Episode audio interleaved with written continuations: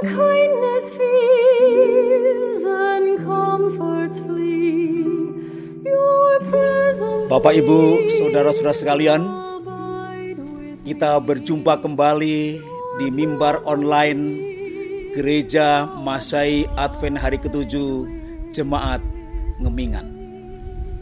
Pada kesempatan yang indah ini kita akan bersama-sama mendengarkan pekabaran firman Tuhan yang sengaja saya ambil dari kitab Matius pasal yang ke-14 ayat yang ke-22 sampai ayat yang ke-32 yaitu cerita tentang Yesus berjalan di atas air.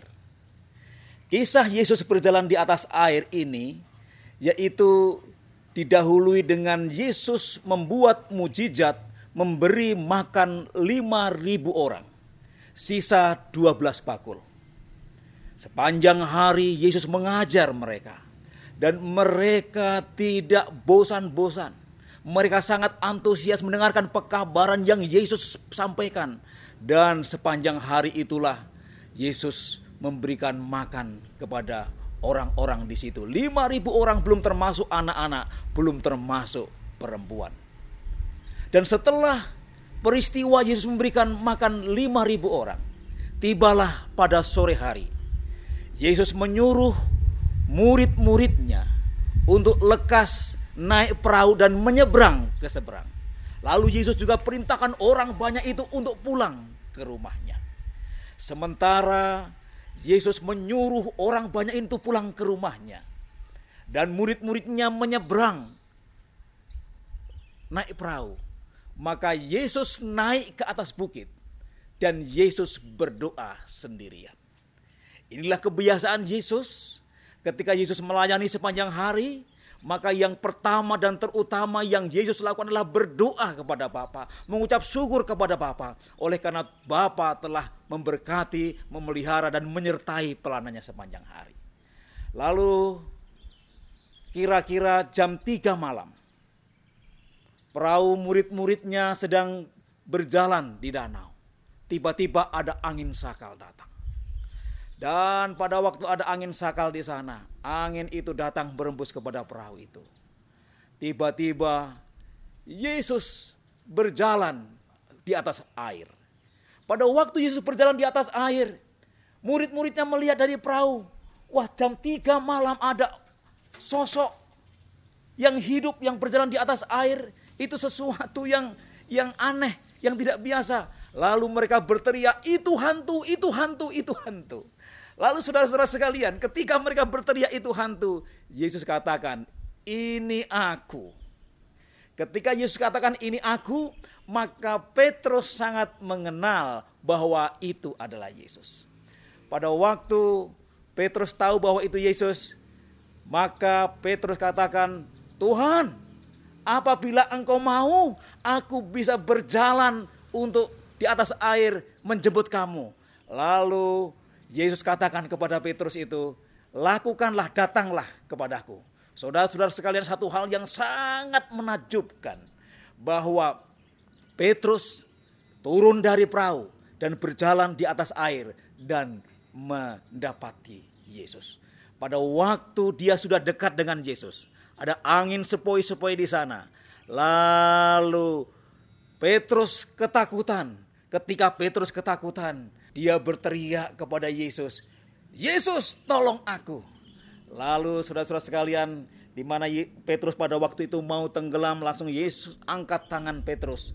Lalu bersama-sama naik ke atas perahu. Lalu Yesus mengatakan kepada mereka,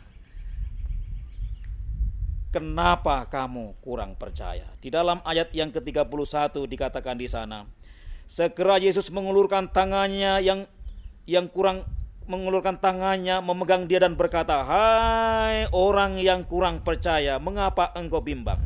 Lalu mereka naik ke perahu dan angin pun redalah.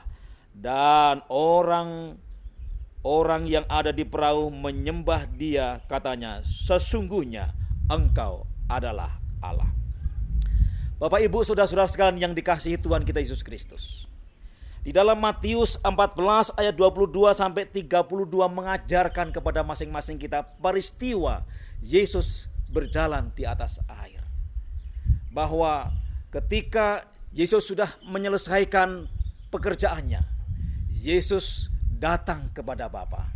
Yesus berdoa kepadanya, meminta pimpinan dan bersyukur atas kasih Tuhan. Namun di saat yang sama, kita boleh melihat di sini, saudara-saudara sekalian, ketika Petrus melihat bahwa Yesus berjalan di atas air, dengan spontan Petrus mengatakan, "Tuhan, kalau Engkau mau, aku bisa berjalan untuk mendapati Engkau." Ini satu iman yang sangat luar biasa yang dimiliki oleh Petrus, seorang nelayan itu, saudara-saudara sekalian. Luar biasa, ketika itu langsung mudah dia percaya kepada Yesus. Namun di saat yang sama, ketika saya membaca tulisan roh nubuat mengenai perikop ini, ketika Petrus berjalan di atas air, maka Petrus melihat Yesus, sementara dia melihat Yesus sambil berjalan di atas air melihat Yesus, dia bisa berjalan dengan tenang. Tetapi ketika dia sudah sampai di depan Yesus, dia mencoba untuk melihat ke belakang, melihat teman-temannya di sana untuk menunjukkan kepada teman-temannya bahwa dia bisa berjalan di atas air. Ketika saat itulah dia ingin menunjukkan kepada teman-temannya bahwa dia bisa berjalan di atas air dan dia menoleh ke belakang, di sanalah dia akan tenggelam. Lalu dia berteriak, "Yesus, tolonglah aku." Saudara-saudara sekalian, ketika kita datang kepada Bapa. Ketika kita menyerahkan hidup kita kepada Tuhan, maka penjagaan, perlindungan menjadi bagian kita. Ketika kita menyerahkan hidup kita kepada Tuhan dan kita mempunyai iman yang sungguh kepada Tuhan, maka mujizat itu akan menjadi bagian kita. Mujizat itu akan kita rasakan di dalam kehidupan kita sebagaimana Petrus bisa berjalan di atas air. Namun saudara-saudara sekalian, ketika kita mengalami mujizat, namun di saat yang sama kita merasakan bahwa mujizat itu oleh karena kita bisa. Segala sesuatu perkara-perkara yang ajaib terjadi kita merasa bahwa itu oleh karena kita. Kemudian kita tidak mengandalkan Tuhan lagi, menoleh ke belakang melihat teman-temannya. Artinya di sana bahwa Petrus meninggalkan Tuhan, Petrus tidak lagi bergantung kepada Tuhan, dia mulai bergantung kepada dirinya sendiri, kemudian dia mau tunjukkan kepada teman-temannya bahwa dia bisa. Di situlah awal daripada kejatuhan.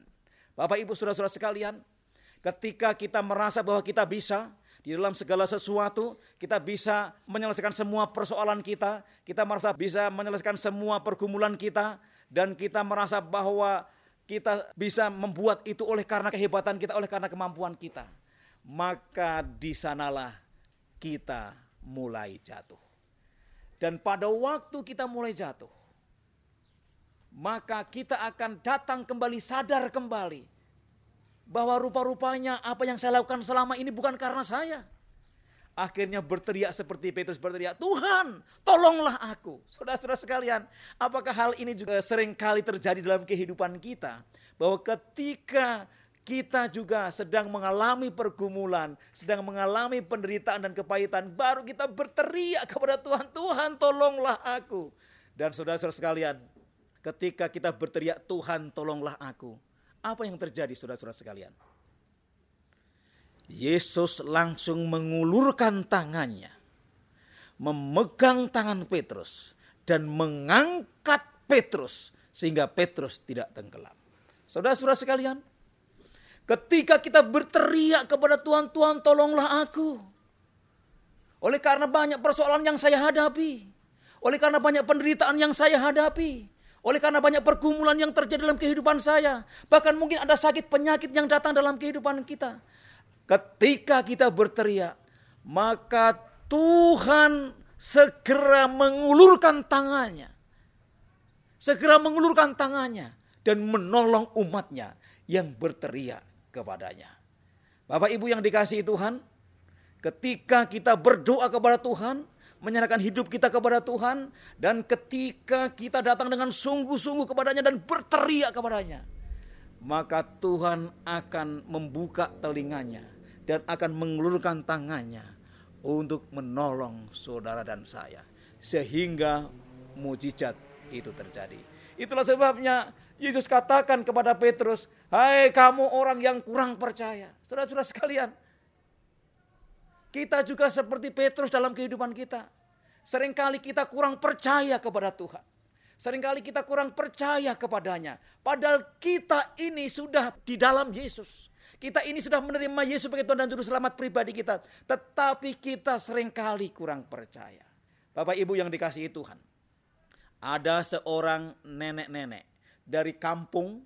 Dia membawa hasil kebunnya mau dibawa ke pasar untuk dijual. Ada pisang, ada mangga. Dia di, dia gendong pisang, dia gendong mangga untuk dijual ke pasar untuk dibelikan beras dan juga kebutuhan lauk pauk. Sementara dia menggendong hasil kebunnya itu, ada truk lewat. Nenek ini menyetop truk itu. Lalu ketika nenek itu menyetop truk itu untuk membawa dia ke pasar. Apakah ini lewat pasar? Oh iya nek ini lewat pasar. Boleh aku numpang? Boleh nek. Akhirnya nenek itu naik ke atas truk saudara-saudara sekalian untuk dibawa ke pasar. Tiba di pasar, nenek ini berhenti saudara-saudara sekalian. Dan mengucapkan terima kasih kepada sopir. Lalu sopir memperhatikan, nenek ini kok terengah-engah, dia kecapean. Terengah-engah dia kecapean. Lalu sopir ini bertanya, Nek kenapa nenek seperti kecapean? Oh iya begitu beratnya ini bawaan ini saya gendong dari tadi. Loh, nenek di atas truk tadi masih menggendong ini. Oh iya, saya gendong terus di atas truk. Aduh, Nek, kenapa enggak nenek lepaskan? Nanti ketika sudah sampai di pasar digendong lagi. Sudah-sudah sekalian, sehingga nenek ini kecapean dan juga keletihan. Seringkali juga kita begitu sebagai umat-umat Tuhan. Kita ini sudah ada di dalam Yesus, sudah sudah percaya kepada Yesus, tapi sering kali ketika kita mempunyai beban, kita punya persoalan, kita punya pergumulan, kita masih mau menggendong sendiri. Kita kurang percaya kepada Yesus. Seperti Petrus tadi yang kurang percaya kepada Yesus. Kurang berserah kepada Yesus. Maka Yesus katakan, kenapa engkau tidak percaya? Hai engkau orang yang kurang percaya. Sudah-sudah sekalian kita sering kali demikian. Ada banyak persoalan kita, ada be banyak beban yang kita hadapi. Tetapi kita masih berusaha untuk mau menggendong sendiri. Walaupun kita sudah di dalam Yesus. Padahal Yesus katakan, di dalam Matius 11 ayat 28, Hai umatku, marilah kepadaku, hai engkau yang letih lesu dan beban berat, karena aku akan memberikan kelegaan kepadamu. Yesus mengundang kita, saudara-saudara, untuk menyerahkan beban kita, untuk menyerahkan pergumulan kita, untuk menyerahkan uh, kepahitan kita, bahkan sakit penyakit sekalipun yang ada dalam diri kita. Yesus ingin supaya kita serahkan kepadanya.